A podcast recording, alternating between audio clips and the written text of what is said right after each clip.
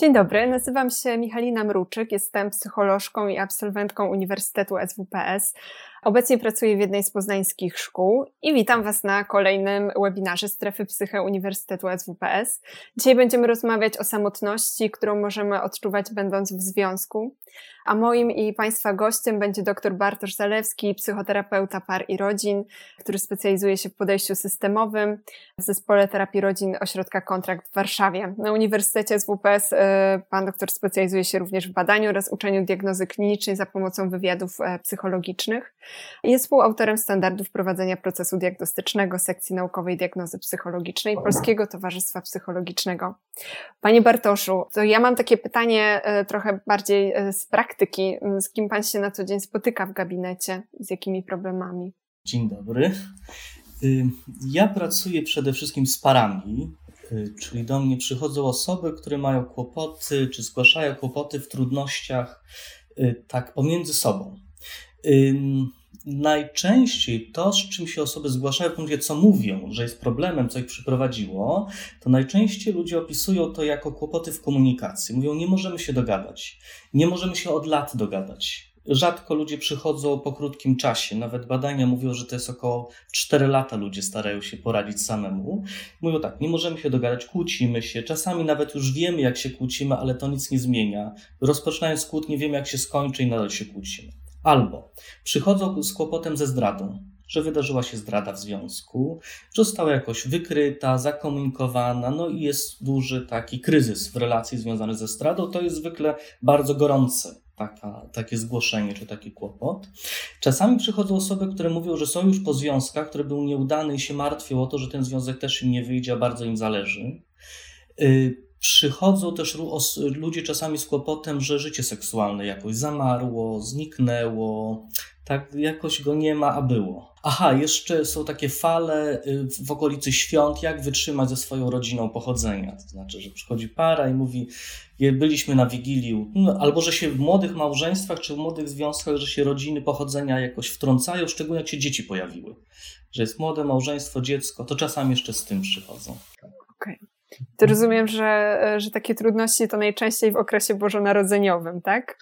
Jakoś po świętach jest zwykle więcej zgłoszeń z rodziną, y, po wakacjach też bywa rzeczywiście taki. Przed wakac... Czasami przed wakacjami to rzadziej. Przed wakacjami, się zgłaszają, to częściej pary, które mają dorosłe dzieci i jakoś, czy dorastające i tak zostają już sami. I tak nagle, jak tu żyło się 20 lat z trójką dzieci, a teraz trzeba żyć tak jakby we dwoje ponownie. Y, ale to są takie bardziej już związane z pewnymi y, okresami w roku. Natomiast no, klasyczne są te komunikacje, czy zdrady, czy no, że uczucie zanikło, czy seks zanikł. No takie, takie tematy.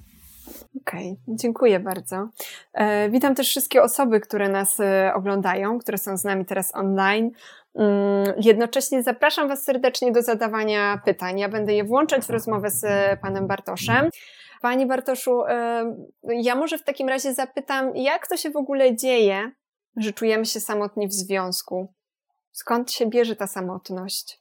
Nie byłoby bliżej myślenie, że samotność w związku nie tyle się bierze, co się ujawnia w związku. To znaczy, że tą samotność my nosimy najpierw w sobie i dopiero w relacji z drugą osobą ona się tak jakby uwidacznia. E, że wcześniej może być takie, że nie mogę stworzyć związku, albo nie wiem dlaczego źle trafiam, i dopiero jak jesteśmy w relacji, to ona jakby się tak ma przestrzeń, żeby się pojawić. I mnie dużo bliżej jest takie myślenie, że nie to związek, czy druga osoba czyni samotnym, tak?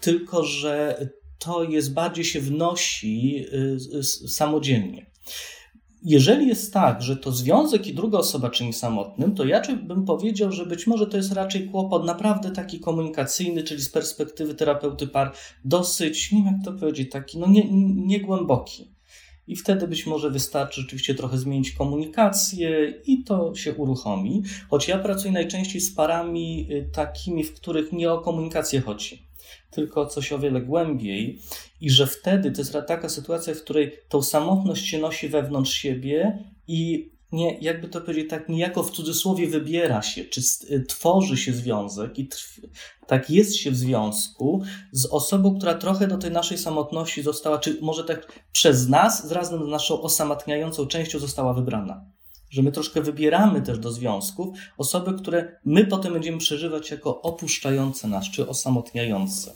Więc ja rozumiem, że to jest trochę inaczej niż zwykle ludzie mówią, że on mi to robi, czy ona mi to robi, bo tak na sesjach jest. Przychodzi para i jest on jest ciągle w pracy, albo ona się zajmuje tylko dziećmi, albo ona jest ciągle w pracy, a on tylko dziećmi, ale y, i że to jest on, ona, a nasze myślenie jest dużo bardziej takie, że to jakby nie w tej drugiej osobie ma być zmiana. Czyli to jest trochę tak, jakby dopiero ten związek był takim lustrem, w którym dostrzegamy, że jesteśmy samotni. Tak, myślę, że to jest metafora, która jakoś dobrze to opisuje, rzeczywiście, że możemy się w nim przejrzeć i odkryć, y, że coś y, takiego się dzieje, że my jakoś przeżywamy bliskość jako osamotnienie. Y, to jest o tyle trudne, że naprawdę tak bardzo, no, w taki jakiś naturalny sposób ludzie to starają się przypisywać drugiej osobie, w związku z tym potrafią wkładać wysiłek, czasem bardzo wiele wysiłków w zmianę drugiej osoby. Do nas przychodzą pary, które potrafią być po można powiedzieć, wszelakich kursach asertywności, komunikacji, rozwiązywania problemów, y, komunikacji bez przemocy, rodzicielstwo najróżniejszych. Y, I tak tą komunikację mają, a tam w głębi to zostaje nieporuszone. Ponownie, przy części osób to już będzie poruszone, bo to być może ale y, tak przynajmniej osoby, z którymi ja pracuję, częściej mówią, ale to jeszcze coś innego chodzi. Być może to jest to lustro, o którym pani mówi którym się dopiero tak widzi, że to ile ja będę zmieniał jakby komunikację, albo właśnie drugą osobę, to nie zmieni mojej samotności, a niektórzy potrafią wkładać naprawdę bardzo dużo wysiłku przez lata, żeby coś zmienić w drugiej osobie. I okazuje, że to ich nie leczy, a nawet potrafi być w najgorszym przypadku sytuacja, że drugiej osobie się udaje coś zmienić, i wtedy ta osoba, która chciała zmienić, się wycofuje nagle ten sukces udało się osiągnąć, partner coś zmienił i wtedy ta osoba, wcale nierzadko w terapii par to widać, i wtedy ta osoba, która chciała dokonać tej zmiany w partnerze, udało się, robi wycofanie. Cofa się, jest jakoś, no tak, że nie o to mi chodziło, albo... A dlaczego tak się dzieje? Bo rozumiem, że wtedy ta część wewnętrzna w nas, która jest samotna, ona potrzebuje mieć zewnętrznie tego osamotniacza nie to, żeby on to robił, tylko ona jakby, no tak świat jest skonstruowany, że ona przeżywa wtedy drugą osobę bliską jako osobę opuszczającą, porzucającą. Możemy się zastanowić, co to znaczy w ogóle osamotnienie, tak? Jakoś porzucającą. I wtedy, kiedy ten świat zewnętrzny udaje nam się, choć bardzo rzadko, ale udaje nam się jakoś zmienić i ta druga osoba naprawdę dokonuje jakąś zmianę wewnętrzną, albo poszła na terapię, jeszcze za naszą namową i naprawdę się zmieniła, wtedy ten osamotniacz w środku jakby już nie ma partnera. I wtedy, ponieważ my się osamotniamy w związkach, no, z różnych powodów, ale między innymi dlatego, że ta samotność jest, jakby to powiedzieć, mniej przerażająca niż bliskość. Tylko tego to już w ogóle nie wiemy na swój temat zazwyczaj. To się odkrywa w terapii, w takim już pogłębionym, że tak w istocie to ja zrobię wszystko, byle zostać samotnym w związku. Przy czym ja teraz chcę też powiedzieć, że ja mówię o takiej sytuacji naprawdę poczucia głębokiej samotności, a nie takiego, że czasem chciałbym więcej bliżej, tylko już mówię tak głęboko. Z tym czasem chciałbym więcej bliżej, to tu jest więcej przestrzeni do, do takich zmian. Ale powiedział Pan też, że część e, tych e, par, które do Pana przychodzi, rzeczywiście ma trudności z komunikacją, że, że są takie sytuacje, kiedy potrzebują po prostu rozmawiać ze sobą inaczej. I w związku z tym mam pytanie, jak w ogóle wygląda dobra komunikacja? Jaką komunikację w związku moglibyśmy nazwać dobrą? Mówi się o kompetencji komunikacyjnej. Ona się składa z kompetencji językowej i takiej emocjonalno-kulturowej. Językowa to jest umiejętność, że w ogóle posiadam w języku nazwy, czyli żeby się dobrze komunikować, ja potrzebuję mieć jakieś nazwy na zarówno stany wewnętrzne swoje, potrzeby, chęci, niechęci, pragnienia, jak i stan, wyobrażenie stanu wewnętrznej drugiej osoby, jak i czegoś, co dzieje się między nami. Czyli jeden poziom to jest taki, żeby w ogóle jakiś język mieć. I my czasami z parami troszkę pracujemy nad, nad używaniem metafor, tak jak pani o tym lustrze powiedziała, to jest metafora, to jest bardzo pomocne w komunikacji. Ludzie dużo tego używamy. Czuję się jak, jakoś, albo wydaje mi się, że nasz związek jest jak coś ta metaforyka jest niezwykle, czy symbolizacja pomocna. To jest jeden poziom, a ta kompetencja taka społeczno-emocjonalna to jest taka kompetencja, że ja w ogóle mam rozeznanie w swoim wnętrzu i umiejętność wyobrażania sobie, co druga osoba może czuć, przeżywać. I nawet nie chodzi o to, że bardzo trafnego, tylko że w ogóle umiem to sobie próbować wyobrażać, bo a nie, bo kiedy nie umiem sobie próbować wyobrażać, to zwykle jest usztywnione i jest takie Ktoś na innym z webinarów u Państwa też mówił, o, chyba użył takiego pojęcia pseudotelepatii Y, takiego, że tak wiem, co myślisz, tak ci wcisnę to, co ty myślisz, bo ja wiem, tak na pewno. Jesteśmy razem 15 lat, wiem. Czyli to drugie to by było taką umiejętność rozpoznawania tego, co się w środku dzieje. Praca z komunikacją będzie w większości pracą z tym, żeby umieć wewnątrz rozpoznać, co się dzieje i umieć to zakomunikować i następnie wytrzymać różnego rodzaju frustracje. Ponieważ ludziom czasami się myli. Wydaje mi się, że w filmach, tak, czy w literaturze popularnej dużo jest takiej fantazji, że jeżeli ja się dobrze skomunikuję i powiem ci, czego potrzebuję, to ty zaspokoisz tą potrzebę, że to jest automatyczne. Yy, no, to jest pierwsze, żebym powiedział, jaką mam potrzebę, i dopiero drugie to jest, czy druga osoba ma chęć lub ma możliwość zaspokojenia tej potrzeby. E, także dobra komunikacja by w tym znaczeniu polegała, że ja trochę tak e, rozumiem, co się dzieje we mnie, tak bardzo jak się da. Niezbyt popularne znowu. Dzisiaj mamy świat raczej działania niż e, czucia i takie rozumiem, co się dzieje i jednocześnie jest, wytrzymuję różne frustracje, że no nie wszystkie moje potrzeby nie zawsze mogą być spełnione. Czyli to jest trochę tak, że jeśli chce się dobrze komunikować z partnerem, partnerką lub członkiem rodziny, kimś bliskim, E, to muszę się też zatrzymać i zajrzeć w głąb siebie. Tak, jeśli chodzi o takie kwestie emocjonalne, to życie szybkość tu znowu nie popłaca za bardzo. Mm, ja rozumiem, że my i tak mamy chyba na co dzień mnóstwo szybkich decyzji do podejmowania, że codzienne życie, szczególnie w rodzinie z dziećmi, to jest y, taka niemalże gonitwa codzienna w dzisiejszym świecie, że tych decyzji też mamy mnóstwo. Natomiast ten moment, żeby tak trochę głębiej, on wymaga nierzadko zatrzymania, dlatego my też między innymi w komunikacji jest y, coś takiego, mm, przynajmniej my w trakcie terapii y, i też jak uczę terapii par, to też y, tak mówię, że wiecie Państwo, będziecie się uczyć jako terapeuci, a potem razem ze swoimi klientami czy pacjentami spowalniać. I to często jest tak, że my, czy jak się kłóci para na sesji, to mówimy tak, momencik, sekundkę, Czasami bardzo się upieramy, żeby na chwilę się zatrzymać. Gabinet w tym pomaga szczęśliwie. Y, I tak, y, że sekundkę, bo tak już się dzieje, a jeszcze nie wiadomo o co chodzi. Już na coś impulsywnie zareagowałem, już się o coś kłócę, już o czegoś się domagam, już się na coś obrażam, a jeszcze nie wiem ja tak w sumie za bardzo o co chodzi. W tym znaczeniu, w komunikacji my tak wręcz uczymy pary takiego, uczymy w cudzysłowie takiego, y, czasami najlepszy komunikat to jest jeszcze nie wiem co mi się dzieje. Jeszcze nie mam jasności, jeszcze, jeszcze nie wiem, co to jest. Albo wiesz, nie, nie do końca wiem, co mi się dzieje. Wiem trochę tak, a trochę tak. Często to taka komunikacja wiem, czego chcę, jasno to komunikuję, masz to zrobić, jest raczej na drugim końcu tego, czym my byśmy się zajmowali jako dobrą komunikacją, taką wiedz, czego chcesz. To jest, wiedz, czego chcesz, to jest końcowy etap bardzo powolnego procesu. E, spoglądam na czat. Widzę, że już się pojawia całkiem sporo pytań. Dziękuję Wam za tę aktywność e, i, i, i to, że, że chcecie z nami rozmawiać. Panie Bartoszu, pojawiło się takie pytanie, czy może być tak, że po prostu niektórzy się do związków nie nadają, bo tak mocno przyzwyczaiły się i lubią swoją samotność, że w relacji zawsze będą czuły się osaczone? To jest pewna decyzja. Ja bym sobie wyobraził, znaczy chyba nie pozwoliłbym sobie na określenie, że się ktoś nie nadaje, bo wydaje mi się, że to jestem wtedy sądem, który wydaje wyrok. I na to bym sobie raczej nie pozwolił.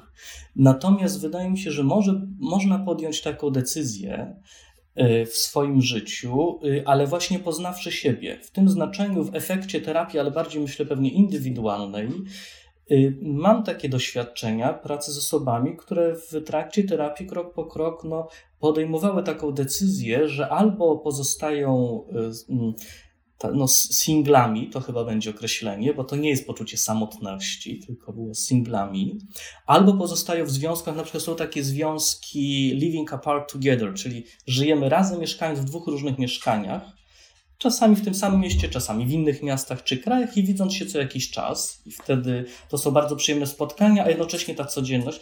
Paradoksalnie to są osoby starsze, zwykle, które już są albo po rozwodzie, albo wdowcy, wdowy, którzy już tego doświadczyli ale też może być osoba, która tak decyduje. Czyli w tym znaczeniu bym powiedział, że może być taka decyzja.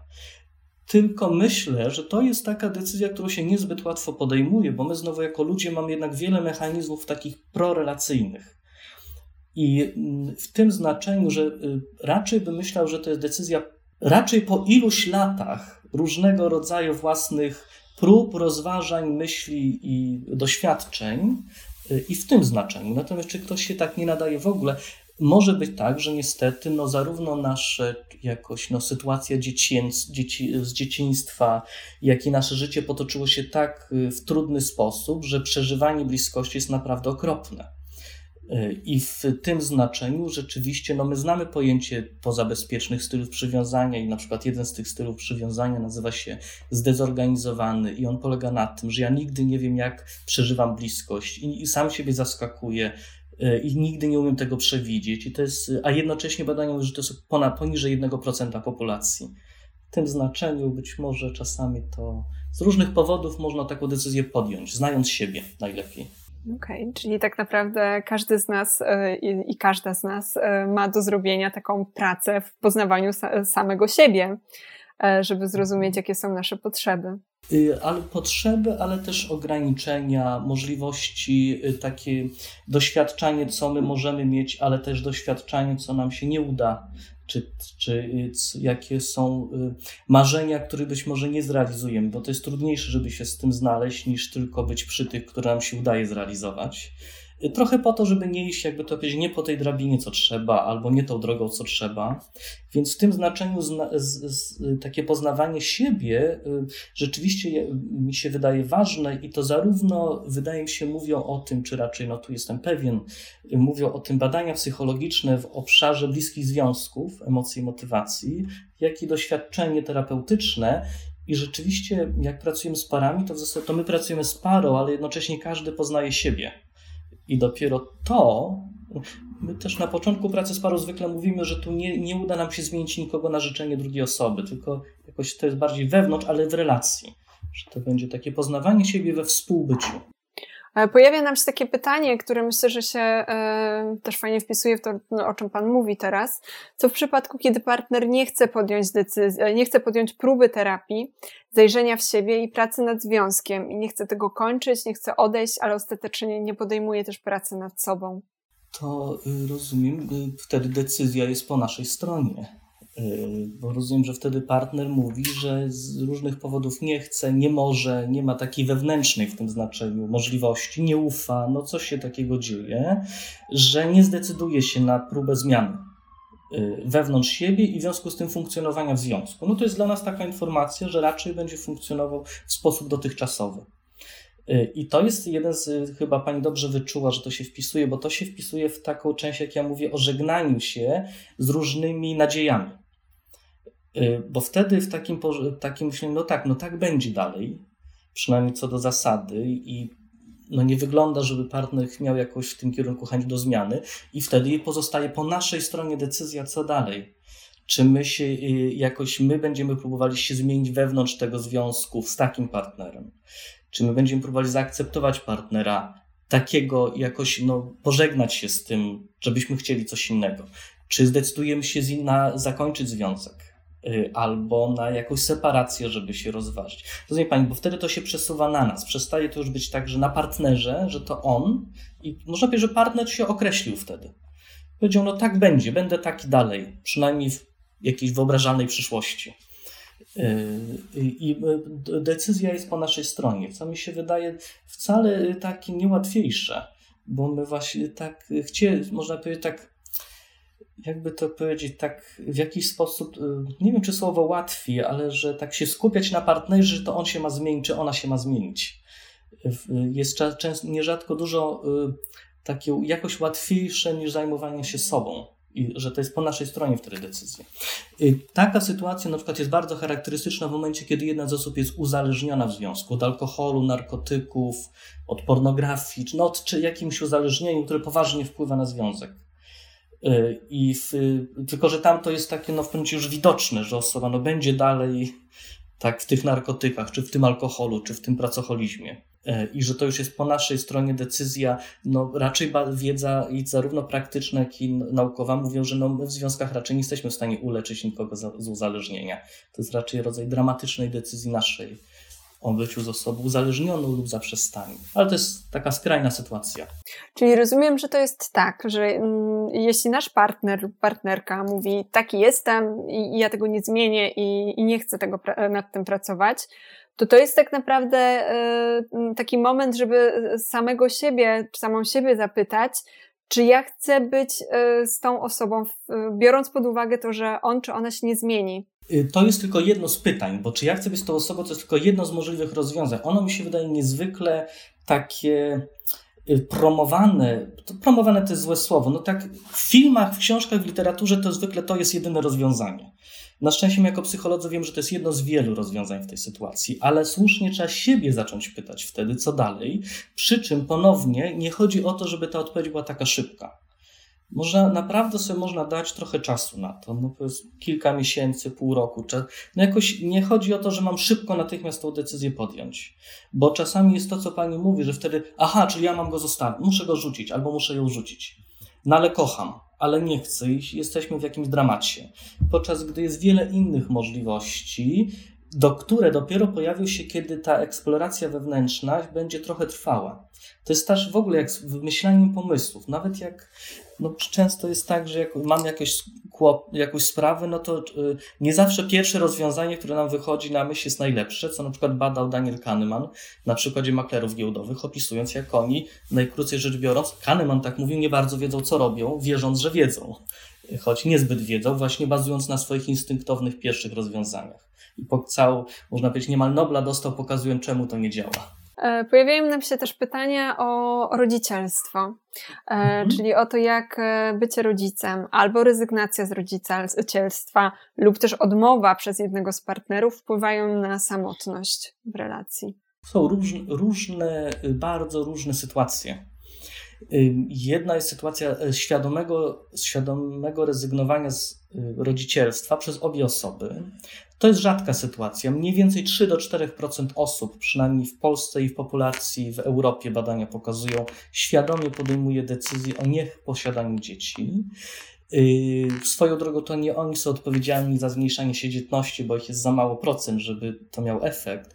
Największy spadek dzietności związany z taką decyzją odsuwamy posiadanie dzieci na później, bo praca, bo kariera, bo kredyt, bo coś, do momentu, w którym się okazuje, już nie mamy możliwości lub nie mamy sił, lub z innych powodów, to jest największa ilość osób, które chcą. W tym znaczeniu to jest bardzo trudne pytanie, które zada, bo najczęściej to jest taka sytuacja: chcemy dzieci tylko jeszcze za chwilę, ale już zaraz, ale już zaraz i to trwa latami. Jak już wiadomo, że nie ma, to już jest jakaś inna sytuacja. Dopóki to jest zawieszone, tak nieustannie przesuwane, chyba to przesuwanie nie wiem, czy wpływa na samotność. To jest jakiś stan, ta, tam samotność będzie o coś innego związana. Y, jeszcze jest trzecia sytuacja, kiedy jedna z osób nie chce mieć dzieci, a drugie chce. Myślę, że wtedy każdy czuje się w tym obszarze bardzo osamotniony. My wtedy w terapii zajmujemy się próbą odpowiedzi na pytanie razem z parą, dlaczego ten związek nie może y, tak jakoś podjąć tej decyzji i jest w takim rozłączeniu, takim rozbiciu i często wzajemnej walce, oskarżeniu albo takim czemu nie może podjąć tej decyzji. Natomiast sama sytuacja nieposiadania dzieci, ja rozumiem, że w pytaniu byłaby się wiązała z osamotnieniem nie w związku, tylko z osamotnieniem takim, że tych dzieci nie będzie, czyli w osamotnieniu takim rodzicielskim, że ja nie będę rodzicem, albo tylko jedno dziecko, albo raczej, że nie będzie kim się zajmować, y, komu towarzyszyć w rozwoju, kim się opiekować, z kim mieć relacje, że taki rodzaj osamotnienia jest. To wydaje mi się, on może być bardzo dotkliwy. Dlatego też w tym znaczeniu nie tak wiele osób decyduje się świadomie na nieposiadanie dzieci. Raczej to jest wynik jakiegoś procesu, że się chciało, ale to się nie udało, jeżeli już. Mhm. Rozumiem, że osoba, która nam zadała to pytanie, bierze pod uwagę trzy warianty, czyli y, mm, jesteśmy rodzicami, pojawia się dziecko. E, drugi wariant to oboje rezygnujemy z posiadania dzieci, i trzeci wariant, e, jeden z partnerów rezygnuje.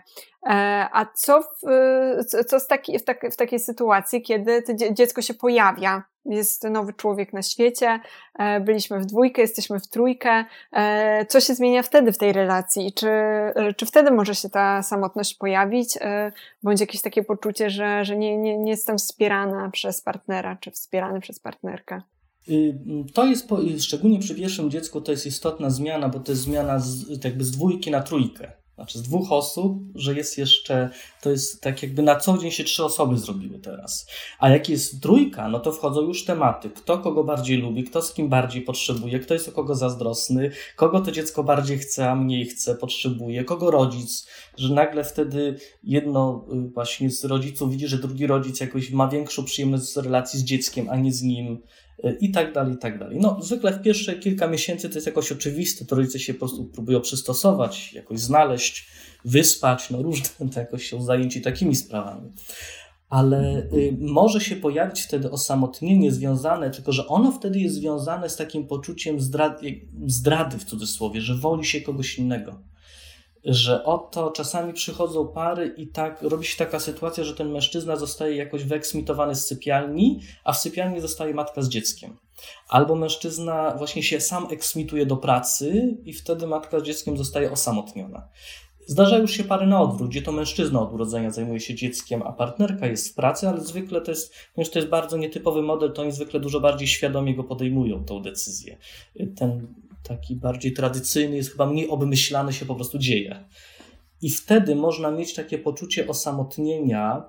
Zwykle jedna osoba wtedy nie ma tego poczucia, jest powiązana z dzieckiem, a druga osoba jest jakby usunięta z tego i ona się może czuć bardzo o, taka odrzucona. Ale jednocześnie może być taka sytuacja, że ta trzecia osoba też ma ulgę, jest zwolniona z czegoś. Ponieważ czasami, jeśli jest osamotnienie w relacji, to pojawia się taki pomysł osoby takiej czującej się bardzo samotnie, to ja z dzieckiem. Y, miewają go mężczyźni, ale jednak bliżej, częściej miewają kobiety z takiego powodu, że no, kulturowo wtedy jest to wyobrażenie, że ta kobieta, że dziecko zostanie z matką. Ono jest rzadziej takie, że ono zostanie tak bardzo z ojcem od początku. W tym znaczeniu ona jest kulturowo dostępna bardziej kobietom, przynajmniej jak na razie. I wtedy czasami bywa po to, że tak on mnie nie, y, od niego tego nie dostanę, ale od dziecka tak. Y, tylko wtedy możemy sobie łatwo wyobrazić, y, jakie kłopoty może mieć to dziecko, które zostało, można powiedzieć, przywołane na świat, czy powołane na świat, w sumie, żeby kogoś, y, dla kogoś być, a nie dla siebie. W sumie, żeby to. Ja już mam to wyobrażenie, bo potem przychodzi do mnie taka para, gdzie jedno było, było takim dzieckiem. I tak nieustannie nie może w ogóle żyć dla siebie, ciągle próbuje żyć tylko dla kogoś, jednocześnie czując, że to nie jest ta droga. Cieszę się, że Pan o tym powiedział, bo właśnie chciałam dopytać o to, co później się mhm. zadzieje z takim dzieckiem. To, to czasami bywają, tylko się wtrącę, czasami bywają tak zwani w cudzysłowie dawcy. Takie osoby, które czują, że w związkach dają i dają. I zazwyczaj jak się ich spyta, a kogo pani, pan się y, tak udaje, kiedy pan ma jakiś kłopot, czy pani, wtedy jest y, często takie, no do nikogo ja się nie udaję. Ja jestem tylko tym, który daje innym coś. Jest też taka możliwość, że, że padnie odpowiedź, że nie mam kłopotów. Ja zwykle wtedy jako terapeuta z pary, która przyszła, bo ma kłopoty, pozwalam sobie mieć sceptycyzm wtedy, ale to jest w tej kontekście tej sytuacji, że oni przyszli do gabinetu. Tak, to mówię, no chyba tu Państwo jesteście, to jakoś inaczej bywa. Ja bywam czasami taki okrutny w jakiś sposób i studentom psychologii zadaję to pytanie, czy oni się czy oni poszli na psychologię, bo mają to doświadczenie, że to oni zawsze wszystkich wysłuchują i rozumieją wszystkie problemy, a czy oni mają do kogo chodzić ze swoimi problemami? Nie po to, żeby się zwierzali od razu publicznie w tej sprawie, ale żeby też znali swoją motywację do zawodu, bo tak zwani dawcy bywają w naszym, jakby nasz zawód trochę zachęca takie osoby też, żeby w to inwestować. No, a to jeśli e, ktoś z Państwa e, interesuje się e, czy psychoterapią, czy psychologią, to też możemy od razu powiedzieć, że psychoterapeuci również poddają się superwizji, rozmawiają o swojej pracy i jest to tak naprawdę nieustanny proces. Myślę, że tu Pan mógłby więcej powiedzieć na ten temat. A jednocześnie w Polsce, żeby zyskać certyfikat psychoterapeuty, polskiego towarzystwa psychologicznego czy psychiatrycznego, trzeba przejść swoją terapię. To jest obowiązek przy staraniu się, więc trzeba się też przyjrzeć sobie. Ale już się nie wtrącam dalej. Wracamy do pytań z czatu. E, pojawiło się pytanie o różnicę w związku. Ona introwertyczka, ja ekstrawertyk. Jak to, jak to pogodzić i która ze stron, czy ta ekstrawertyczna, czy introwertyczna, będzie rościła sobie większe pretensje?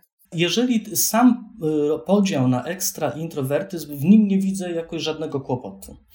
Y, mm, jest dość sporo badań dotyczących tego i y, mm, Akurat taki podział, że ktoś jest intro, ktoś ekstrawertykiem, w żaden sposób nie łączy się z poziomem zadowolenia w związku. To znaczy, zarówno pary bardzo zadowolone i bardzo szczęśliwe w swoich związkach, także wieloletnich, są, tak, są parami, gdzie jest introwertyk, ekstrawertyczka lub na odwrót, czy zarówno takie pary, jak i pary bardzo nieszczęśliwe. Natomiast ten wymiar o niczym nie przesądza. Coś innego musiało być w związku się dziać, żeby się pojawił kłopot, niż tylko podział na intro i ekstrawersję.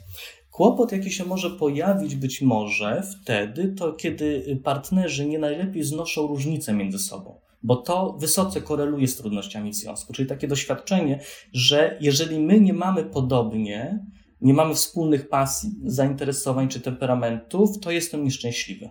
Nieszczęśliwa. To to jest kłopotem.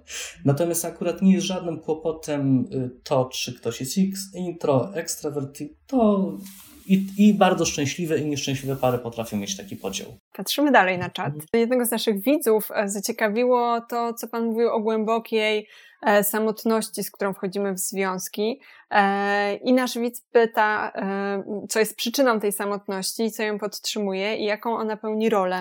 Bo tak, im głębsza jest ta samotność wewnętrzna, tym ona wcześniej powstała i jest stabilniejsza. Można to porównać, ja przeproszę tę osobę, która py pyta teraz za to okropne porównanie, ale można to porównać jednak do choroby. Że samotność w tym znaczeniu, tak głęboka, jest jakimś rodzajem choroby i można powiedzieć, im poważniejsza, tym ona dłużej trwa, czyli wcześniej powstała i jest taka mocniej, no więcej wokół niej jest już rzeczy narosłych taki e, stan głębokiej samotności to są takie stany rzeczywiście, które wytwarzają się, no, badania mówią dość klarownie, mniej więcej do czwartego roku życia. E, I się stabilizuje takie doświadczenie i no, w psychologii mamy bardzo wiele na to określeń. No takim aktualnie najmodniejszym, no to pewnie pani też dużo się tym sama zajmuje, to są bezpieczne i pozabezpieczne stany, style przywiązania, czyli taki sposób, Proszę mnie poprawić albo uzupełnić, gdyby pani, jeśli ja coś za prosto, ale tak, taki sposób najprościej mówiąc, czy ja się doświadczyłem w tym najbardziej pierwszym okresie swojego życia, kiedy jestem w pełni zależny od świata zewnętrznego. Dziecko jest akurat u ludzi absolutnie zależne od bliskich opiekunów. Czy tym opiekunom mogę ufać, że adekwatnie w miarę odpowiadają na moje potrzeby, czy nie mogę? I ten zapis mniej więcej do czwartego roku życia jest ustabilizowany. Mogę czy nie mogę? Dobra wiadomość jest taka, że znaczna większość populacji ma zapis mogę, mniejsza część ma nie mogę, ale to już utrudnia życie. I to będzie jedna z przyczyn głębokiej samotności, czyli to jest takie wewnętrzne doświadczenie. Ono nie jest zapisane nawet umysłowo. Ono jest po prostu pewną prawdą wewnętrzną, że nie mogę zaufać partnerowi, partnerce. W związku z tym nie skieruję do niego różnych potrzeb lub skieruję tak, żeby mi się powtarzał świat, że nie mogę. Jednocześnie kłopot jest taki, że my często tego sobie nie wiemy. Do, te, do tego się dopiero dociera krok po kroku, na przykład w trakcie terapii, do takiej podstawowego, jakby prawdy, takiej niepodważalnej, oczywistej, nigdy nie zweryfikowanej inaczej prawdy o świecie, że bliskości nigdzie nie można zaufać. I wtedy to nie jest kwestia, czy on, ona mnie zawiedzie, to jest kwestia kiedy i jak bardzo. W związku z tym od razu możemy sobie wyobrazić, jak trudno wtedy pragnąć, być zależnym, potrzebować, chcieć, czyli to wszystko, co nas nie osamotnia. Tak, nas nie, os, rozumiem, nie czujemy się w związku samotni, jeżeli możemy kierować do drugiej osoby nasze potrzeby, pragnienia i ona na nie odpowiada. Badania pokazują, że my w większości w naszych związkach odpowiadamy na potrzeby swoich bliskich. Że to jest przytłaczająca taka większość, no przytłaczająca, że to jest większość.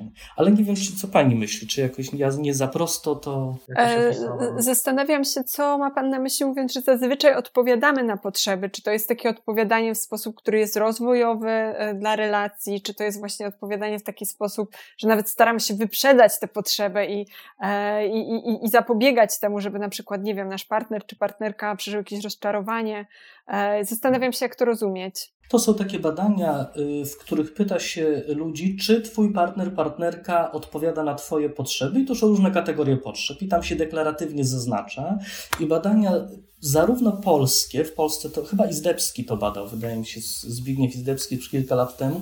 I w europejskie były takie, że około 70% osób deklarowało, że tak, czują, że w ich związkach ich partnerzy odpowiadają na ich potrzeby, a przynajmniej próbują. W tym znaczeniu, tak, to jest taka deklaratywna, czyli nie wiem, czy zawczasu, ale że daje takie poczucie, no co pokazuje 30% nie ma takiego poczucia, przynajmniej nie ma go często, co się pokrywa procentowo mniej więcej ze poza bezpiecznymi stylami przywiązania, co do których również się szacuje na mniej więcej 25 do 30%. Właśnie też o tym pomyślałam, że to jest e, tak zaskakująca zbieżność. Tak, rzeczywiście, że to mniej więcej tak jedna trzecia można powiedzieć z nas. Okej. Okay. Pytanie, czy to jest tak, że te potrzeby wtedy są rzeczywiście niezaspokajane, czy, czy po prostu e, nawet gdyby partner zaspokajał te potrzeby, starałby się to robić, wychodziłby z taką inicjatywą, to i tak w dalszym ciągu czułabym, e, że to jest zbyt mało albo że to jest nieadekwatne do moich po rzeczywistych potrzeb.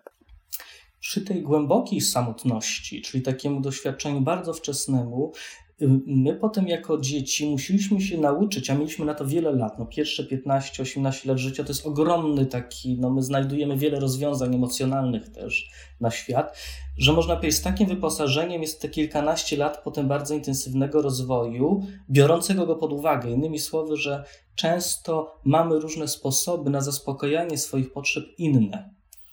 Y, one, pytanie, może tak, one Wydaje mi się, że w większości przypadków chyba nie są wystarczające, w każdym razie wtedy, kiedy ludzie idą na terapię. Być może są wystarczające u tych osób, których ja już nie spotykam, bo nie przychodzą na terapię. Tu nie mam, nie mogę się na żadne badania powołać. Nie wiem, czy coś wiadomo w tej sprawie, ale rzeczywiście jest tak, że ludzie uczą się w inne sposoby y, radzić sobie. I wtedy w dorosłości, bo to nam wyjaśnia, co pani teraz powiedziała, ten fenomen, że tak udaje mi się wpłynąć na partnera, Poszedł na terapię, zmienił się, odpowiada na moje potrzeby i jestem przerażony. Bo wtedy ja muszę porzucić wszystkie sposoby, które do tej pory pozwalały mi sobie radzić z samotnością, wytrzymać, yy, jakoś yy, na przykład yy, czasami jednym ze sposobów radzenia sobie z samotnością jest nieustanne domaganie się kogoś, czegoś od drugiej osoby. No ale ona musi to nie spełniać, żeby się domagać. Jak ona zaczyna spełniać, to my już nie możemy się domagać. I, a to był sposób redukowania napięcia związanego z niepokojem związanym z samotnością, ponieważ samotność budzi ogromny niepokój też.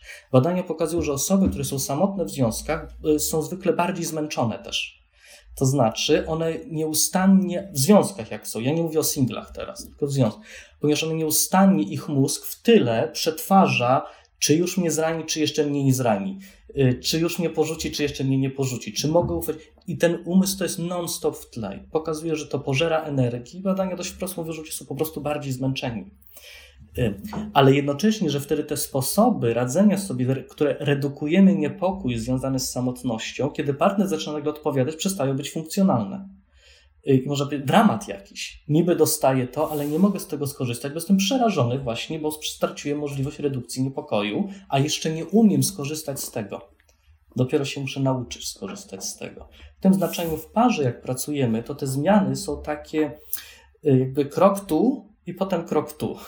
Krok tu i krok tu. Ja też, y, mm, ponieważ my rzeczywiście pracujemy częściej z parami, które mają głębsze trudności, to y, ta terapia trwa długo. To znaczy, my pracujemy w takich kilkuletnich y, procesach terapeutycznych, po dwa, po trzy, po cztery lata, właśnie, żeby tu się zmieniło i żeby teraz ta osoba wytrzymała, że tu się dobrze zmieniło i jak z tego skorzystać, a nie żeby to zaatakowała. Ponieważ systemowo rzecz biorąc, system jest ustabilizowany. Jeśli tu wprowadzi się zmianę nawet prorozwojową, to druga część systemu spróbuje wrócić do status quo. Czyli trzeba pracować i z tym, że się mogę dać, i z tym, czy ja jestem w stanie przyjąć jednocześnie. Tym znaczeniu ta terapia jest krok po kroku. Wyobrażam sobie też, że jeżeli mam takie doświadczenie z, z tych wczesnych lat, z dzieciństwa, tego, że na przykład e, ta, ta, bliskość nie była taka, jak potrzebowałam, czyli tego rodzica, tego opiekuna nie było wtedy, kiedy coś się ważnego działo w moim życiu, e, czy ta opieka była niewystarczająca. I, i później, jako dorosła osoba, nawet trafiam na kogoś takiego, kto bardzo się stara odpowiadać na moje potrzeby, to, to, to trochę sobie wyobrażam, że to będzie takie kurcze, coś nowego, coś, coś wręcz może zagrażającego i powodującego dyskomfort, bo nie znam tej sytuacji. Czy to rzeczywiście tak jest? To zauważyła już w latach 60. Karen Horney w takiej bardzo starej swojej teorii tzw. Tak neurotycznej miłości, która polega na tym, ona pani, Karen Horney mówi jeszcze więcej niż to, co pani, poszła dalej. Osoba, która ma bardzo wczesny ten rodzaj takiego osamotnienia, czy takiego zatrzymania możliwości wiązania się, y, w ogóle się nie rozpozna tego dawania. Czyli jak spotka takiego partnera, to ona nie zarejestruje, jaki on jest wydaje się dziwny, albo nadmiarowy, albo taki na przykład może tak stereotypowy, jak pozwolę sobie przeproszę wszystkich na sekundkę, że w kobieta poznaje mężczyznę, on się okazuje bardzo odpowiada na jej potrzeby, on sobie myśli, Boże, ale to jest kapeć taki, no po prostu kapciuszki, bamboszki, tatusi. Czyli i w ogóle go nie zwróci na niego uwagi. Możemy to przerobić i w drugą stronę, że mężczyzna spotyka kobietę i sobie, nie no, jaka przylepa, w ogóle co ja chcę, ona mi do razu to oddaje, no w życiu. Czyli, te, czyli może w ogóle nie rozpoznać. Lub w sytuacji takiej trochę, można powiedzieć, y, mniej jednoznacznej, może rzeczywiście rozpoznać i być w takim wahaniu, bo tak nie bardzo rozumie o co chodzi. Często może być takie poczucie wtedy, że ta osoba jakoś za dużo mi daje albo za dużo chce ode mnie, no bo osoba, która reaguje na moje potrzeby, wie jak to jest i też ma swoje potrzeby, na które potrzebuje mojej reakcji.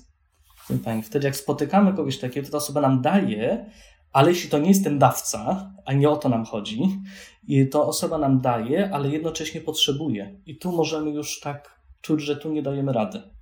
E, wręcz y, pamiętam takie prace w terapii, gdzie to w terapii indywidualnej, gdzie wręcz żeśmy dochodzili do tego, że mm, jedna z osób tak czuła prawdziwą miłość dopiero wtedy, kiedy została zraniona. Powiedzmy, było tak kilka osób potencjalnie, takie kilka osób, do których tam były te motyle w brzuchu na przestrzeni czasu i dopiero jak było zranienie od jednej z tych osób, to y, było takie poczucie, tak, to jest ta prawdziwa miłość. Chociaż nie było zarejestrowane, że to jest połączone ze zranieniem. Dopiero myśmy to krok po kroku odkodowywali. Czyli kiedy się pojawiło porzucenie jakiegoś rodzaju, jakiejś potrzeby, czy, czy to było tak, to jest to kiedy tego nie było. W tym znaczeniu, y, słusznie Pani mówi, my możemy też w cudzysłowie nie mieć oprzyrządowania wewnętrznego, żeby dobrze rozpoznać taką osobę. Że jesteśmy troszkę zamknięci w jakiegoś rodzaju matriksie, w którym coś takiego nie istnieje w zasadzie. Y, ale to rzeczywiście mówimy o takim, kiedy to jest głęb- takie naprawdę głębokie. Zwykle większość osób tak nie ma. Większość jak ma, to ma gdzieś tak później różne trudy. Pojawiają nam się pytania też o to, jak w ogóle wybrać terapię. Taki przykład. Jeśli o dwie, obydwie osoby mają pewne problemy do przepracowania, które również wpływają na relacje, to lepiej, aby wybrali terapię indywidualną, każdy dla siebie, czy żeby wybrać się na terapię par i, i pracować razem. Na, można przyjść zawsze na konsultację do terapii pary i y, wtedy y, terapeuci zasugerują, że być może terapia indywidualna będzie bardziej adekwatna. Może być w drugą stronę, może jedna z osób albo każda z osób pójść na konsultację indywidualną i tam to pytanie zadać. I wtedy terapeuta w trakcie takiej konsultacji, no przy takiej konsultacji są zazwykle trzy, dwie, trzy, cztery bo jakby nie rozpoczynamy terapii, dopóki się naprawdę nie zorientujemy o co chodzi, w jaki sposób pomagać. Czyli wtedy y, można powiedzieć, dać sobie tą godzinę, dwie, czasami trzy godziny rozmowy, czy indywidualnej, czy w parze, no bo każda terapia jest w cudzysłowie, jak to powiedzieć, szyta na miarę. Właśnie dlatego, tak jak pani wie i pewnie państwo, nasi widzowie, tak, słuchacze, widzowie wiedzą, y, no terapeuci, te psycholodzy strasznie nie chcą dawać rad że tak się ciągle pyta ich o te rady, oni tak ciągle się jakoś z tych rad wymiksowują. Y, no bo to jest szyte na miarę, w sensie my można powiedzieć, dopiero jak rozpoznamy te 1100 czynników, które działa jednocześnie, to możemy zaproponować coś. Innymi słowy, odpowiedź brzmi taka, można zarówno pójść na konsultację do terapii pary, jak i na indywidualną, po, i o tym porozmawiać, ten wątek, i wtedy prawdopodobnie y, no, taki mm, dobrej klasy profesjonalista będzie w stanie y, sensowną dać wskazówkę tej sprawie, czy poradzić. No my rzeczywiście wiemy, jednak mamy wiele wskaźników mówiących, kiedy terapia para, kiedy terapia indywidualna. Odsyłamy zarówno i w jedną, jak i w drugą stronę. Y, mogę też od razu powiedzieć, że terapia para i terapia indywidualna nie kłócą się ze sobą. Można mieć jednocześnie i to, i to. W związku z tym, w razie czego jakby ktoś był w indywidualnej i myślał, no jeszcze tylko tam z żoną na terapię par już będzie dobrze, to można to łączyć. A mógłby Pan opowiedzieć nam trochę o tym, w jakich w ogóle nurtach e, można e, pracować e, z parami? Dlatego, że pojawia się takie pytanie, tutaj akurat na konkretnym przykładzie. Partner z rodziny alkoholo- pochodzi z rodziny alkoholowej, chociaż sam nie pije, przez jakiś czas pił ryzykownie. Partnerka pochodzi z rodziny, gdzie ojciec był taką postacią dominującą, matka była zaniedbywana i odeszła z innym mężczyzną. Czyli tutaj ktoś nam podaje przykład, pytając, w jakim nurcie szukać terapii w takim przypadku ale może warto byłoby w ogóle poświęcić chwilę na to, żeby powiedzieć, jak się z parami pracuje, gdyby mógł Pan o tym opowiedzieć trochę. Mhm. To tak, o, najpierw o tej sytuacji, czyli że tam była jedna osoba uzależniona, nie, rodzice byli uzależnieni, tak, a druga osoba była... Z rodziny, gdzie ojciec dominuje, a matka była zaniedbywana i odeszła z innym mężczyzną. Aha, rozumiem. Pytanie, jakiej płci jest kto? Czy tu jest kobieta z tej rodziny z dominującym mężczyzną, a tu mężczyzna w ten sposób? To jest, aha. I wtedy jaką metodą pracy?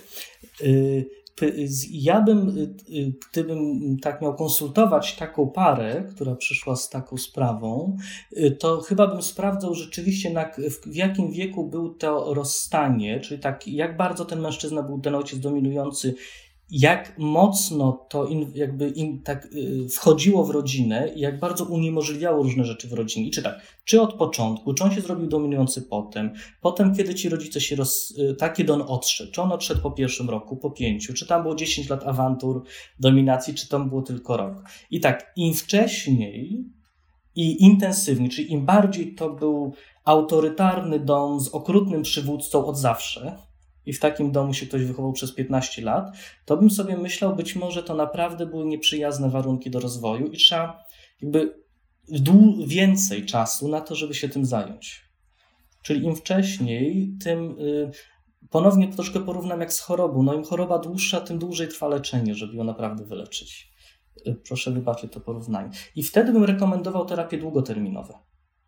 Jeżeli to jest bardziej sytuacja krótsza, taka, że to się późno zdarzyło krócej, a kłopoty w związku są kłopotami reaktywnymi, a mąż czy ten partner jest w leczeniu od uzależnienia i idzie mu dobrze to leczenie, tym bardziej bym myślał terapii krótkoterminowej skoncentrowanej na jakimś sprawie.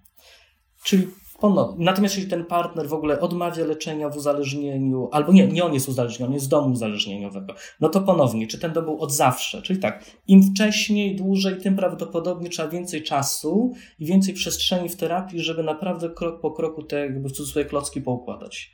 Im później, krótsze, w bardziej dorosłym takim, czy w późniejszym okresie, nastoletnim się działo, tym być może to, jeśli chodzi o więź, tak? Inny wymiar jest jeszcze taki, z czego partnerzy chcą. Czy oni chcą się zająć jakąś konkretną sprawą, czy oni czują się nieszczęśliwi w związku. I ponownie, drugi wymiar jest taki, im szerszy obszar, czyli im bardziej ten cel jest ogólny, że na przykład nie ma życia seksualnego między nami. Tak, bo pani nie chce z panem jak coś, a pan nie może z panią, bo jest zapracowany, albo w drugą stronę. Im bardziej to jest taki, i, i, tego nie było, albo nie ma długo, i to tak obejmuje wiele obszarów, tym raczej terapia będzie dłuższa i tak. Im bardziej oni są skoncentrowani na jakiejś sytuacji, na przykład się zdrada wydarzyła i ona była impulsywna w dobrym związku, a nie, że to narastało od 15 lat, tylko była impulsywna w reakcji na coś. Tym bardziej krótkoterminowo. Jeśli chodzi o terapię, y, ja mogę się chwilkę wymądrzeć w tej sprawie, ponieważ właśnie przygotowujemy podręcznik o diagnostyce w terapii par i się naczytałem y, o badaniach o skuteczności różnych metod terapii par. Y, tylko nie wiem, jak długi wykład w tej sprawie zrobić. Może taki minutowy spróbuję zrobić. To myślę, że tak będzie ok, dlatego że już mamy taką godzinę, że będziemy się powoli zbliżać do tak. końca naszej ja, rozmowy. Pani wie na WPS-ie na autopilocie półtorej godziny bez kłopotu ale y, y, najogólniej rzecz biorąc, dominującym, tak, skuteczność terapii par średnia jest między 60 a 70%, terapii indywidualnej około 80%, więc terapia par jest odrobinę mniej skuteczna y, w rozwiązywaniu kłopotów, a jednocześnie to może być po części odpowiedzialny za to taki czynnik, że terapia par jest zwykle dłuższa. Dominujące nurty terapii par to jest terapia systemowa i terapia psychoanalityczna, to są główne nurty terapii par. Około 70% terapeutów w Polsce na świecie pracuje systemowo z parami, około 20% analitycznie. W tym znaczeniu to są długie, dłuższe terapie e, par. Jest jeszcze terapia e, narracyjna, terapia poznawczo-behawioralna par i humanistyczna. Terapia humanistyczna, emocjonalna, skoncentrowana na emocjach jest już w Polsce. Niewiele terapeutów pracuje na świecie i w Polsce. Bardzo ciekawa terapia, doskonale obadana, o bardzo wysokiej skuteczności. Y, czasem krótsza, czasem dłuższa. Bardzo interesująca. Terapia poznawczo-behawioralna, świetnie zbadana. Sami y, badacze wskazują o dość ograniczonej skuteczności tego podejścia, jeśli chodzi o rozwiązywanie problemów par. Ono jest wysokie na początku, a potem problemy wracają. Jest około 70% powrotów w ciągu kilku lat. I terapia narracyjna, która jest terapią średniej długości, można powiedzieć, taką nie bardzo długoterminową, nie krótką, o dość dobrej skuteczności. Czyli mamy pięć nurtów. W Polsce najłatwiej znaleźć systemowców, analityków i terapeutów narracyjnych. E, to ja tak może trochę przewrotnie zapytam, e, co pan rozumie pod pojęciem skuteczność terapii, jeśli chodzi o terapię par? Jaki miał, mhm. miałby być skutek tej terapii? Czy to jest tak, żeby e, być ze sobą, czy żeby się rozstać? Jak to rozumieć? To y, fantastyczne pytanie. Z chęcią długo bym z Panią dyskutował na temat metodologii badań skuteczności terapii, które jest bardzo skomplikowane. To jest niezwykle trudne. Y, rzeczywiście, czy rozwód jest skuteczną terapią? Y, skuteczność terapii najczęściej w tym obszarze bada się poprzez albo A sprawdzenie, czy osoby czują, że cel został zrealizowany, każdy z partnerów, że cel, z którym się zgłosili, był zrealizowany. I to zostaje pytanie, jak cel był być szczęśliwym. No to też rzeczywiście nie do zbadania, więc je się konkretyzuje. I w tym znaczeniu, jeśli rozwód czy rozstanie przyczyniło się do tego, że tak, nie czuję się już nieszczęśliwy, czuję, że mam jakby swobodę, mam nadzieję na nowe jakoś otwarcie w swoim życiu i tak dalej, to wtedy to będzie skuteczne. Najczęściej się to bada poprzez subiektywne pytanie, subiektywne odczucie, na ile został osiągnięty cel, z którym przyszli. Y, kłopot jest taki, że czasami w terapii się pojawiają nowe cele. W tym znaczeniu terapie, które mają bardzo precyzyjny cel, jest łatwo badać, y, bo wtedy można go sprawdzić. Terapie bardzo takie ogólne są trudniejsze, ale najogólniej rzecz biorąc, nie wiem, czy się pani zgodzi, no jakoś, bo to możemy dyskutować, bo to jest rzeczywiście seminar, no mamy coroczne konferencje o metodologii badań z terapii, to naukowcy i w Polsce i na świecie sami się głowią nad tym, ale to poczucie, że się zmieniło tak mniej więcej jak potrzebowałem. Moje pytanie trochę wzięło się e, stąd, że kiedy pan mówił o tych badaniach, e, to przypomniał mi się taki taka scena z, z, moich studiów, jak pierwszy raz e, mieliśmy zajęcia e, o terapii par i wchodzi wykładowca i mówi, słuchajcie, w terapii par nie zawsze chodzi o to, żeby być razem, tylko często chodzi o to, żeby się dobrze rozstać. I przyszedł taki szum po sali. E, I, I dlatego o to zapytałam, jak pan w ogóle rozumie skuteczność terapii, czy, czy, i czy zawsze chodzi o to, żeby z sobą po prostu być dalej? Y, no nie, nie, to rzeczywiście to nie, nie mamy, bo to, to byśmy wchodzili w jakieś elementy pewnej ideologii być może, czy ludzie mają żyć razem, czy nie. Y, czy mają prawo się rozstawać, czy nie. Czy to jak najbardziej my również pracujemy z parami, które chcą się rozstać, lub w efekcie pary podejmują decyzję o rozstaniu. Niektórzy przychodzą z taką decyzją, tylko mówią, nie wiemy jak to zrobić, żeby dzieci nie porozwalać, bo mamy za sobą w naszych rodzinach złe rozstanie rodziców. Bardzo mądra sytuacja. Czasami podejmują decyzję w trakcie. E, o rozstaniu, to jak najbardziej też jest, choć no, znowu nie tak wiele osób idzie w tą stronę. Zwykle jak przychodzą na terapię, to z nadzieją, że może jest szansa na te, tego związku. Czasami pytanie terapeutyczne jest takie, czy chcemy, żeby ten związek dalej trwał.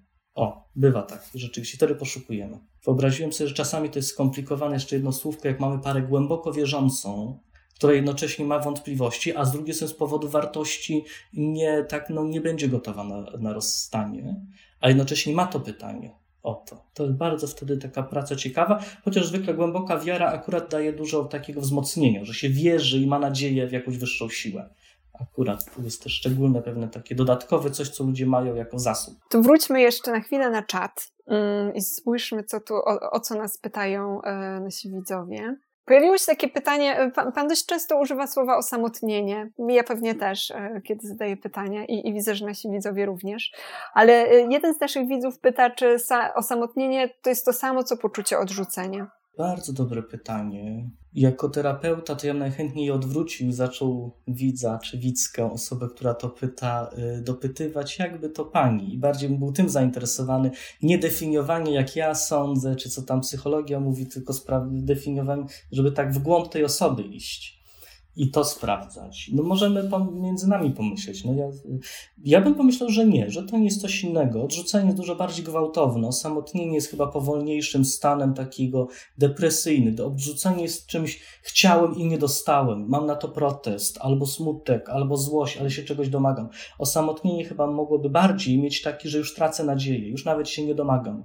Już nawet nie sądzę, że coś dłuższego i bardziej depresyjnego, ale nie wiem jak pani myśli, bo tak na bieżąco byśmy konstruowali. Ja myślę sobie, że to odrzucenie zawiera w sobie jednak ten komponent drugiego człowieka, czyli jest taki reaktywny po tym, co, czego doświadczyłam, czy czego doświadczyłem, tak. A osamotnienie może, y, może płynąć ze mnie, z głębi mnie i może być różne w różnych momentach mojego życia. Mogę jednego dnia uznawać, że w sumie bycie singlem jest na przykład bardzo fajne, ale w drugim, y, za jakiś czas już czuję, że, że wcale nie czuję się singlem, tylko czuję się osobą samotną.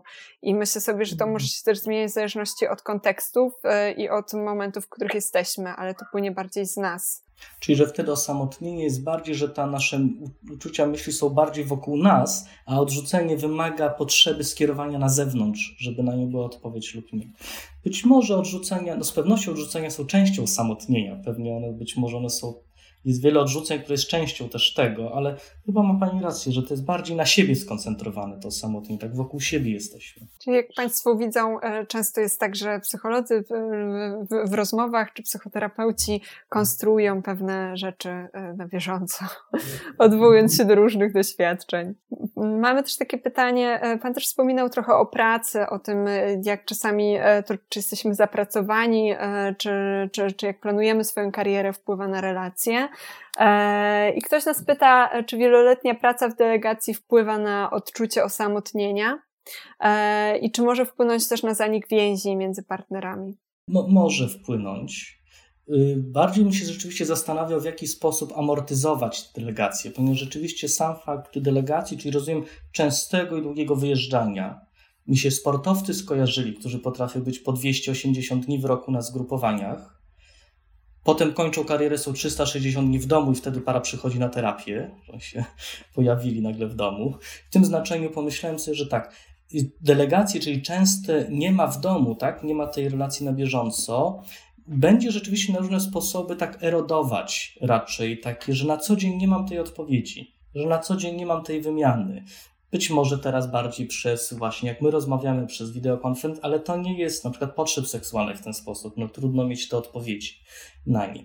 Więc ja bym myślał, że to eroduje. I teraz pytanie, jak to amortyzować?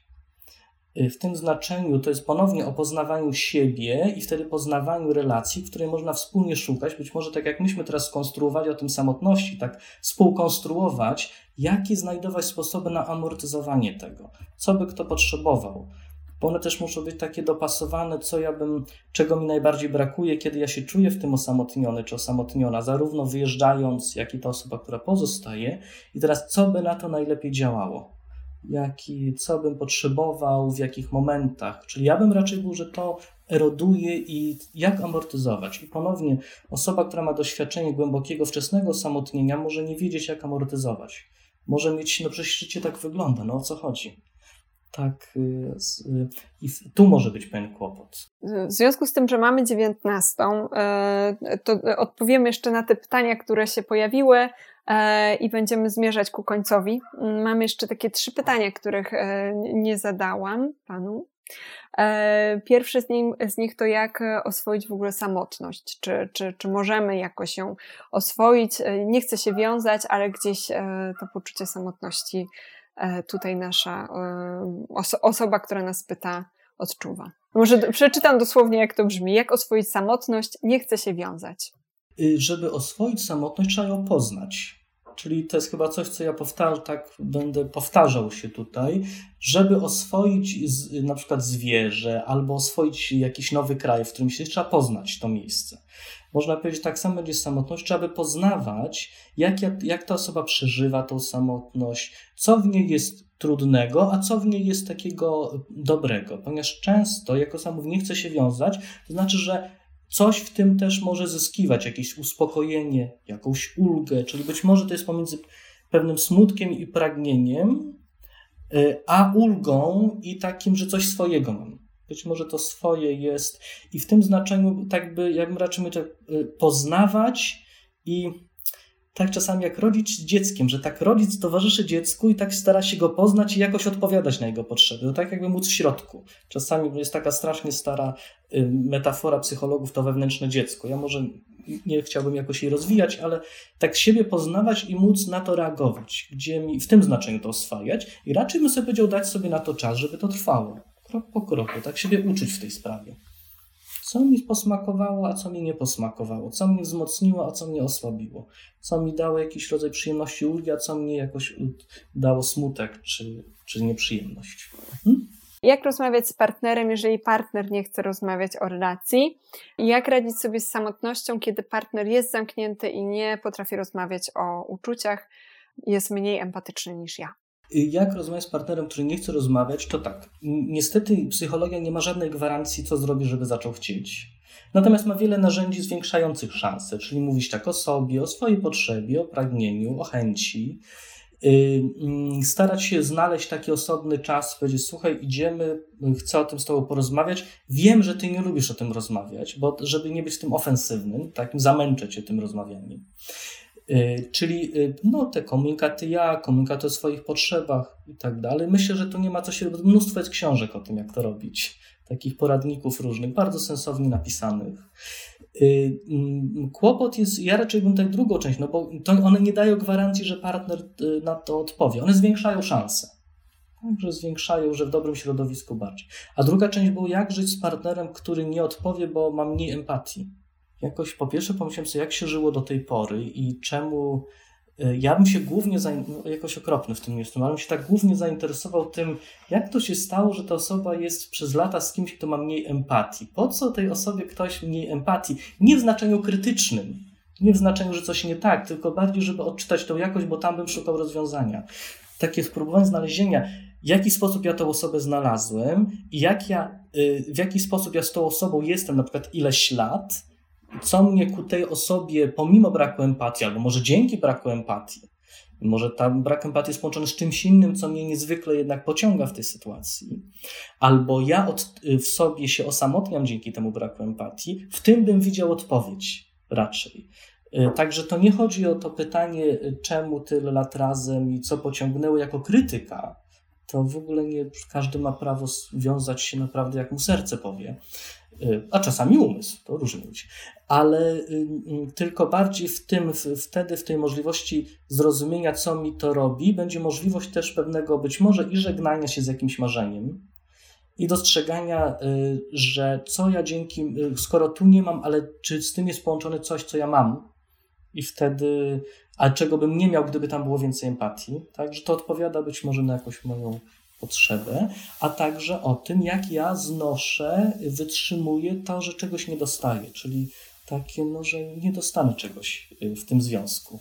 Mi przyszło do głowy też takie pytanie mm, o taką trochę wyrwę, wyrwę w murze, czyli e, czy to jest tak, że ja zawsze jestem z tym partnerem, zawsze się czuję w tej relacji samotna i czy są takie momenty, kiedy nie czuję się samotna i jakie to są chwile? Tak, wyjątki, słusznie Pani mówi, wyjątki, inne szczególne sytuacje, rocznice, tak, urodziny, jakieś takie momenty, wakacje, wyjazdy na weekend, różne sytuacje, w których być może to jest mniej, albo sytuacje, w których partner jest jakoś mniej zapracowany, czy mniej zajęty dziećmi, czy mniej coś.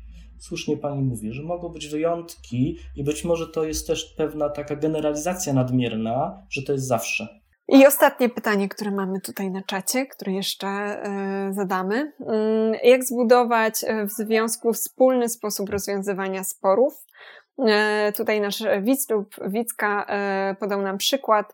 Kobieta jest bardzo emocjonalna i reaguje nerwowo, natomiast facet jest opanowany i często nie chce się wypowiadać przed przemyśleniem sprawy i jak wypracować wspólny sposób. To zadanie, bardzo to jest zadanie dla nas, na przykład terapeutów, pary niezwykle, tak, mamy dużo oporządzenia, żeby się tym zajmować, y, ponieważ y, mm, rozumienie tej sytuacji y, można dać takie, czy tak można powiedzieć, takie kanoniczne rozumienie w terapii systemowej takiej sytuacji, bardzo charakterystycznej, jest takie, że te osoby rozłączyły między sobą coś, co ma każdy z nich ale nierzadko to się dzieje w związkach, a czasami bardzo mocno jak tu.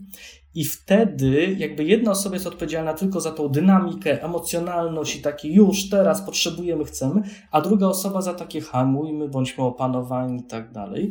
Sposób, jaki my pracujemy na terapii z tym, to jest odkrywanie dynamiki impulsywności i w cudzysłowie historyczności w tym partnerze opanowanym i odkrywanie opanowania, dystansowania się, odsuwania w tej drugim partnerze, ponieważ zazwyczaj, nawet przy różnicach temperamentalnych, pary jakby między sobą to rozłączają i się polaryzują w czymś, co mają oboje.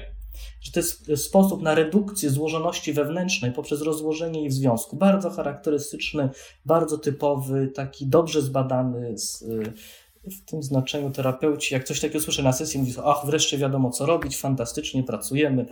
Y, tutaj pani odkrywa w sobie spokój i dystans, pan w sobie impulsywność i emocjonalność.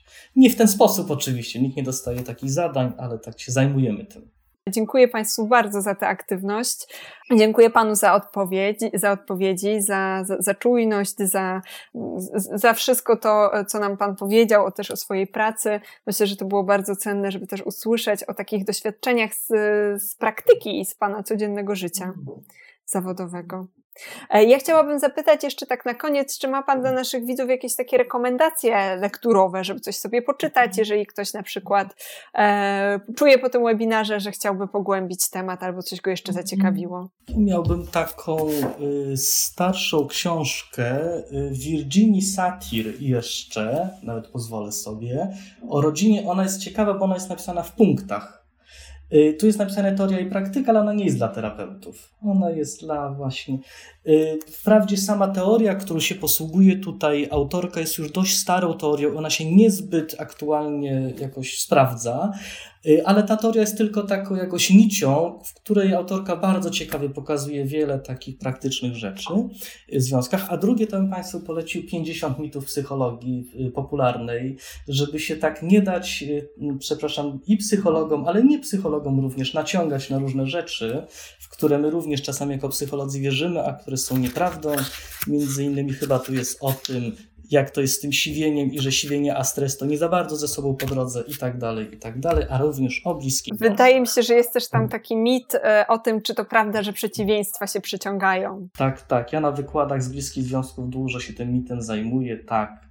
Państwo się dowiedzą, jak to jest w końcu. Czy mają być po dwie połówki pomarańczy, czy przyciągające się przeciwieństwa w związkach. Okej, okay, no to ja dziękuję Panu bardzo. Mm, zapraszam Was wszystkich też do tego, żeby śledzić e, mm, strefę psychę, zaglądać, co się u nas dzieje, e, przeglądać też poprzednie webinary e, z tego tematu, o którym dzisiaj rozmawiamy. W maju odbywała się też rozmowa z Aleksandrą Żyłkowską o związkach młodych osób. Być może to też Was zaciekawi. Zapraszam Was serdecznie do tego, żeby pogłębiać ten temat. A Panu Bartoszowi jeszcze raz dziękuję za rozmowę. Dziękuję bardzo. Do widzenia.